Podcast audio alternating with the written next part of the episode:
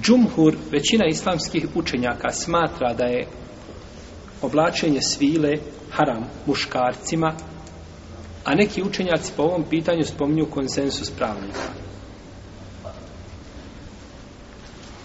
Kažu, svila, ako je odjeća od čiste svile, i nema šerijatske nužde da se oblači, ona biva muškarcima haram. Kod koga? Kod koga? kod većine islamskih učenjaka, a neki spominju konsensus po tome pitanju. I to dokazuju argumentima brojnim, između ostale hadis kod Buhari i kod muslima od Enesa ibn Malika, da je poslanik s.a.v. rekao La telbisul harire fe innehu men lebisehu fi dunja lem jelbisu fil ahire. Nemojte oblačiti svilu. Ko bude oblačeno dunjalku, neće na ahiretu koje buče, bude oblačio na dunjalu, ko neće šta? Na ahire, to uzvišen Allah kaže a, za stanovnike dženneta u libasuhum fiha harir a njihova odjeća je u njemu u džennetu od svile. Pa je ovaj hadis simbolika da takav čovjek ne samo da neće šta obuće odjeću od svile, nego da neće ući u džennet. Što je još veći belaj. Znači, u, u džennetu je takva odjeća, a ti je nećeš oblačiti u džennetu. Što znači? Kao ko bude pio vino ovdje na Dunjalku, neće ga piti šta? Na Ahiretu. Znači, samo u džennetu nećeš imati vina, sve ćeš drugo imati. A nije to, nego nema dženneta. A tako? Ja, to je prijetnja za onoga ko konzumira alkohol. I od Huzeyfe radijallahu ta'ala, ovaj hadis bileže Buhari muslim, jeli? i drugi hadis koga bileže Buhari muslim također od Huzeyfe radijallahu ta'ala, kaže, rekao je poslanik sa osrme, la tel bi subharire, wala dibađ, wala tešebu fi anjeti zahebi ol fidda, wala te kulu fi sihafiha. Nemojte, kaže, oblačiti ni svilu, ni brokot. Brokot je isto vrsta svile, skupocijene svile. I nemojte piti iz posuda srebrnih i zlatnih. I nemojte jesti iz takvih posuda. Fe inne halahum fi dunja, wala na fil ahire. Ona njima, to pripada njima na dunjalu, ko pa nama na ahiretu. Znači, oni koji nemaju udjela na ahiretu u Allahovoj milosti jel? oni su to je njihova znači to je njihovo posuđe vjernik treba biti znači daleko od toga jer to se ne može znači ničim protumačiti nego čime ohološću znači jedeš iz zlatne baš zlatnu kašu što mora biti zlatna kakva je korist u tome Znači, to nije ukaz, nije ništa. Zašto? Znači, to je čista oholost. To je oholost. I prenosi se od Omar ibn Khattaba radijallahu ta'ala da je poslanik sallallahu alejhi ve sellem rekao: "Inna ma yalbasu al-harira fi dunya man la khalaqa lahu fi al-akhirah." Kaže e, na dunjaluku silu oblače oni koji nemaju udjela na ahiretu. Misli se nemaju udjela u Allahovoj milosti. I vidiš imam Tirmizi, imam uh, Ibn Mađe, drugi, također imam Dijan Maknis, u svom delu Muhtara, da je poslanik sa Losreme jednog dana uzeo sviru u jednu ruku, a zlato u drugu ruku. Pa kaže, ovo je zabranjeno muškarcima moga ummeta, dozvoljeno ženama. Zabranjeno je muškarcima moga ummeta, dozvoljeno je šta? Ženama. Pa ko je muškarac, treba šta da skine zlato sa sebe. U protivnom, Šta? Protivno mi je griješ. Dobro.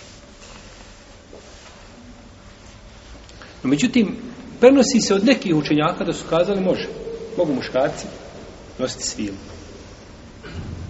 I to dokazuju argumentima kao što je hadis koga bileže Buhara i Muslim. Pogledaj, znači oni imaju argumente, tako da može. Imaju argumente da se može nositi pak svila, da nije zabranjeno. Imamo hadis od Ukbeta ibn Amira radijallahu ta'ala anhu kaže poklonjena je poslaniku sa osaleme ferruđ ferruđu harir ferruđ je odjeća ono što se u knjigama može naći dopisa jeste da je to bila odjeća koja se znači kao ogrtač koji je imao otvor pozada nešto u tom smislu pa je klanjao u toj odjeći nakon toga znači onako silovito to strgao sa sebe i skinuo tu jeli, odjeću kao da je prezirao je i kaže ovo ne trebaju da oblače bogobojazni. Kažu vidimo poslanik je sa osnovom šta klanjao u tome i nakon toga skinuo kao da je prezirao, rekao ovo ne trebaju da oblače bogobojazni. Dobro, ovo ovaj je hadis, je on dokaz da je dozvoljeno da je zabranjeno? Ma? Pa prije dokaz onima koji kažu da je zabranjeno, prije dokaz izrazi toj većini uleme koji kažu da je to zabranjeno s jedne strane. S druge strane, zar nije poslanik sa osnovom mogao Znači, za, za, za to e, u tom momentu da mu dođe šta? Naredba. Odnosno zabrana oblačenja čega? Jeli? Svile. Pa da se pa kaže, ovo više ne priliči, je li moguće da je poslanik sam znao da je to zabranjeno i da to ne trebaju bogobojazni da oblače i on najveći mu tekija koji je hodio zemaljskom kuglom, on to obuče i još klanja u tome pre svojim gospodarom. To je nemoguće. To je nemoguće da kažeš to običnom muslimanu koji klanja pet vakata namaza i boji se Allaha. Kako ćemo to kazati u pogledu poslanika, sallallahu alaihi wa sallam? Pa postoji mogućnost da mu je tada došla zabrana i da je to uradio. Isto tako hadis kod Buhari i kod muslima od El Misvora ibn Mahreme, kada je poslanik, sallallahu kada su došli u grtač, pa je došao El Misvor sa svojim babom Mahremom, pa je došao kod poslanika, sallallahu Pa je iznio Allahu poslanik, kada je čuo njegov glas, On je došao da, da, da, da dobije svoj udio. Pa kada je čuo njegov glas, uzeo je to i izišao napolje. I kaže, unzur, habetna reke hade. Kaže, unzur, kaže, vidi, kaže, ovo smo tebi, ovo smo za tebe mahsuz sakrili. Ovo je za tebe bilo ostavljeno. Da... Pa je uzeo mahreme, pa je prevrtao, gledao, pa mu bilo drago. Pa kaže, poslanik sam sam, radije mahreme, radije mahreme. Mahreme je zadovoljeno ovim što je dobio.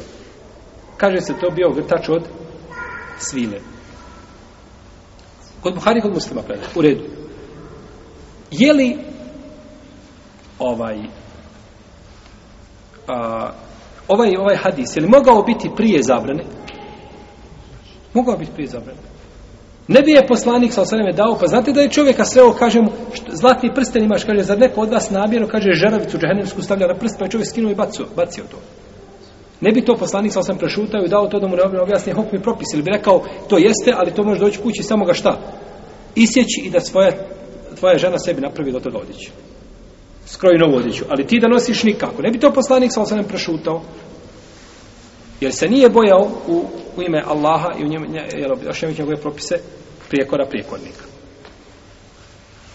Pa imamo hadise koji jasno zabranjuju, a imamo neke hadise iz koji se može zatužiti da je dozvoljeno. Pa je bez sumnje mesec džumhura u Leme ovdje jači, odnosno neki čak spominju o tom pitanju i konsensus. U jednoj se predaj navodi da je ova predaja od misora Ibru Mahrebe da je imala na sebi dugmat koja su bila ušivena kod Buhari u Sahihu.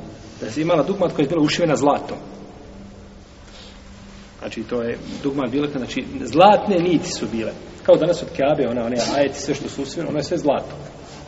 Kada odete tamo u tvornicu gdje se proizvodi onaj plašt od Keabe, u redu, ono sve, one niti, ono je sve od zlata. Imate zlato ovako i prošivene. E, tako isto znači i bila i ova odjeća. Je li dozvoljeno čovjeku da ima odjeću, a ima pri njoj nešto svile? Jeste.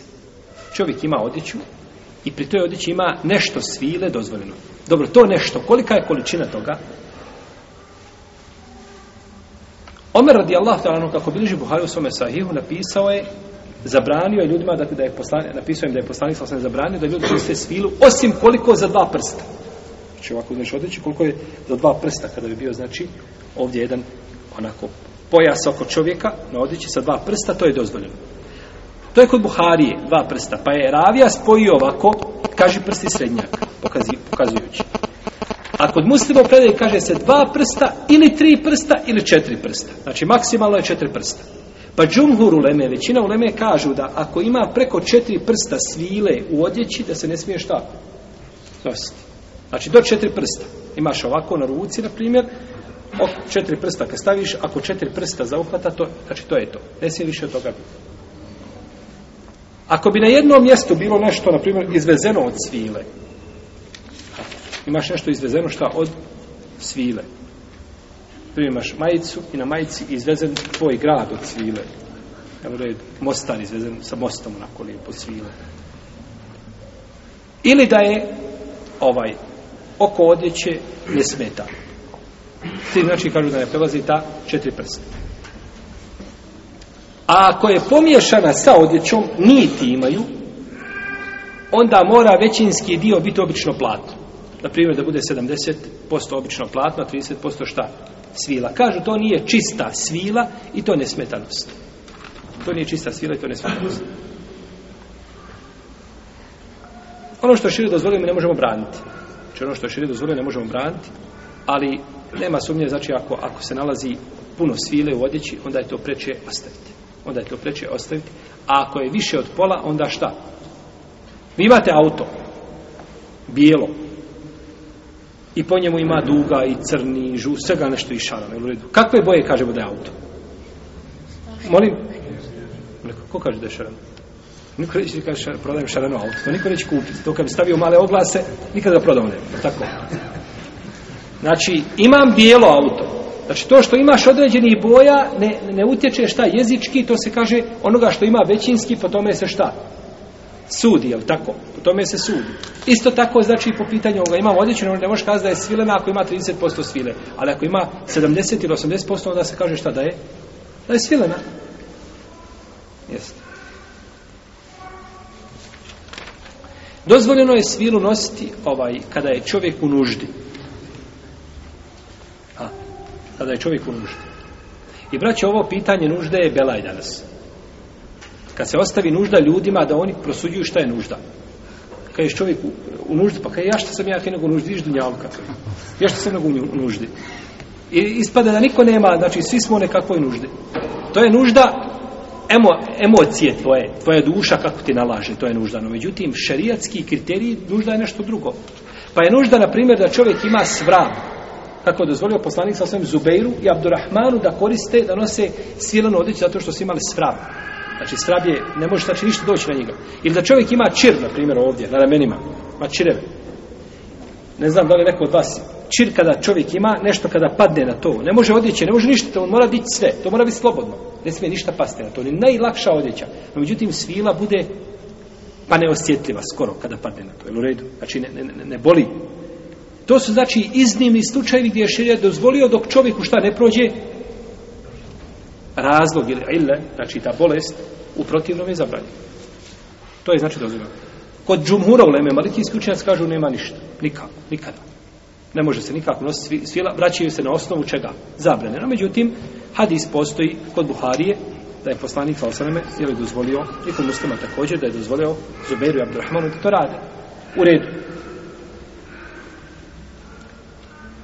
Šta kažu malikijski učenjaci? Zašto oni zabranjuju? Kako mogu zabraniti, a jasan hadis ima da je dozvoljeno? Kažu, taj hadis odnosi samo na te ashabi. Njima dvojici posebna šta? Olakšica u šarijetu. I ovo mišljenje nije jako. Zato sve što je poslanik sa osvijem dozvolio onda ashabima, kada je rekao nekomu da ashaba uradi tako, drugom uradi tako, Bože mu kazati, olakšica redi samo za ashabe. I tako smo ostali bez čega bez ičega, bez olakšice. Ne bez ičega, bez olakšice se postavlja. red. Osnova je da sve, jer znate kako je poslanik sam kada je rekao, onome ashabu što je zaklao, kaže, mogu li zaklati džido od, od, od eh, koza? Kaže, možeš ti i niko više nakon tebe. Vredilo samo za njega ili za druge? Samo za njega. Znači, jasno, poslanik je sa svema govorio, znači, jasno nam kazao, kada vredi određena stvar za jednog čovjeka, a kada vredi šta? Za, znači, za cijeli umet. Pa kada nije ništa spominjao, znači, onda takva stvar vredi za cijeli umet. Pa mišljenje ovdje Hanetiz, ovih uh, malikijskih učenjaka, nije jako. Džumhur Uleme ima jači stava, to je da je dozvoljen čovjek ako ima razlog. Pa razlog, znači, imate ljudi, imaju bolesti, određene, iritira ga, znači koža, šta god da, da, da, da stavi od odjeće, sve ga iritira, ovaj, samo svrabu izaziva, da takav nosi svil, pa kad bi to potrebio duži vremenski period, ne smeta. Ako ima razlog, šta? Ne smeta, olakšica vredi za njega dok, dok je živ, dok postoji šta ta, taj razlog zbog koga je obukao. Zato je vraćao bitno čovjek kada vidi nešto kod nekoga što je prije nego što, pa, što ga prekori dužan je da ga pita vidio si čovjeka, klanja, da sjedi kako se sjedi po sunnetu. Nemoj godina ovo ti živi bio, ovaj, deset godina klanjaš, nisi još naučio kako trebaš sjediti tu namazu. Nego upitaj zašto, brate, ovaj, vidio sam da činiš tako i tako, pa možeš li mi reći ovaj razlog?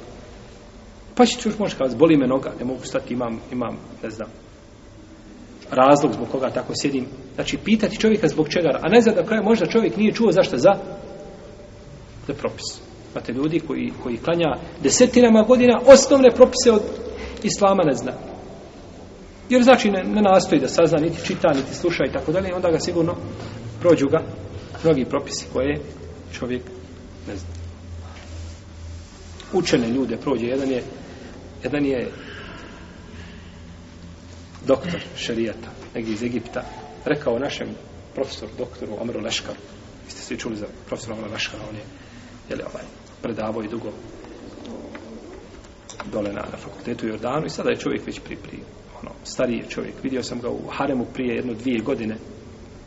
Pravo dedo, onaj stari, ovaj, teško se i kreće, teško i govori, tako dalje.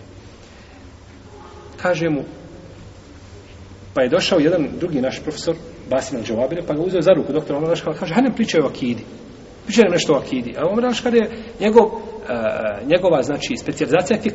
No, međutim puno je pisao djela šta u akidi. Pogledajte koliko je samo djela prevedeno kod nas u akidi. A najviše znači njegovi djela je vezano za akidu, tako je na jedan lijep jednostavan način znači pojasnio islamsko vjerovanje. Pa je počeo piš, pa između ostalog spomenuo da je Allah iza darša. Kaže ovaj doktor drugi što je sjedio taj negdje odnekle zalutao, kaže ja kaže nikad nisam čuo za to mišljenje da je Allah iza darša. On nikad nije čuo u životu da ima mišljenje da Allah iznad arša. Pa što onda mislite kad obični čovjek nešto ne zna i kada ga prođe i tako dalje? Ne, odmišljenje.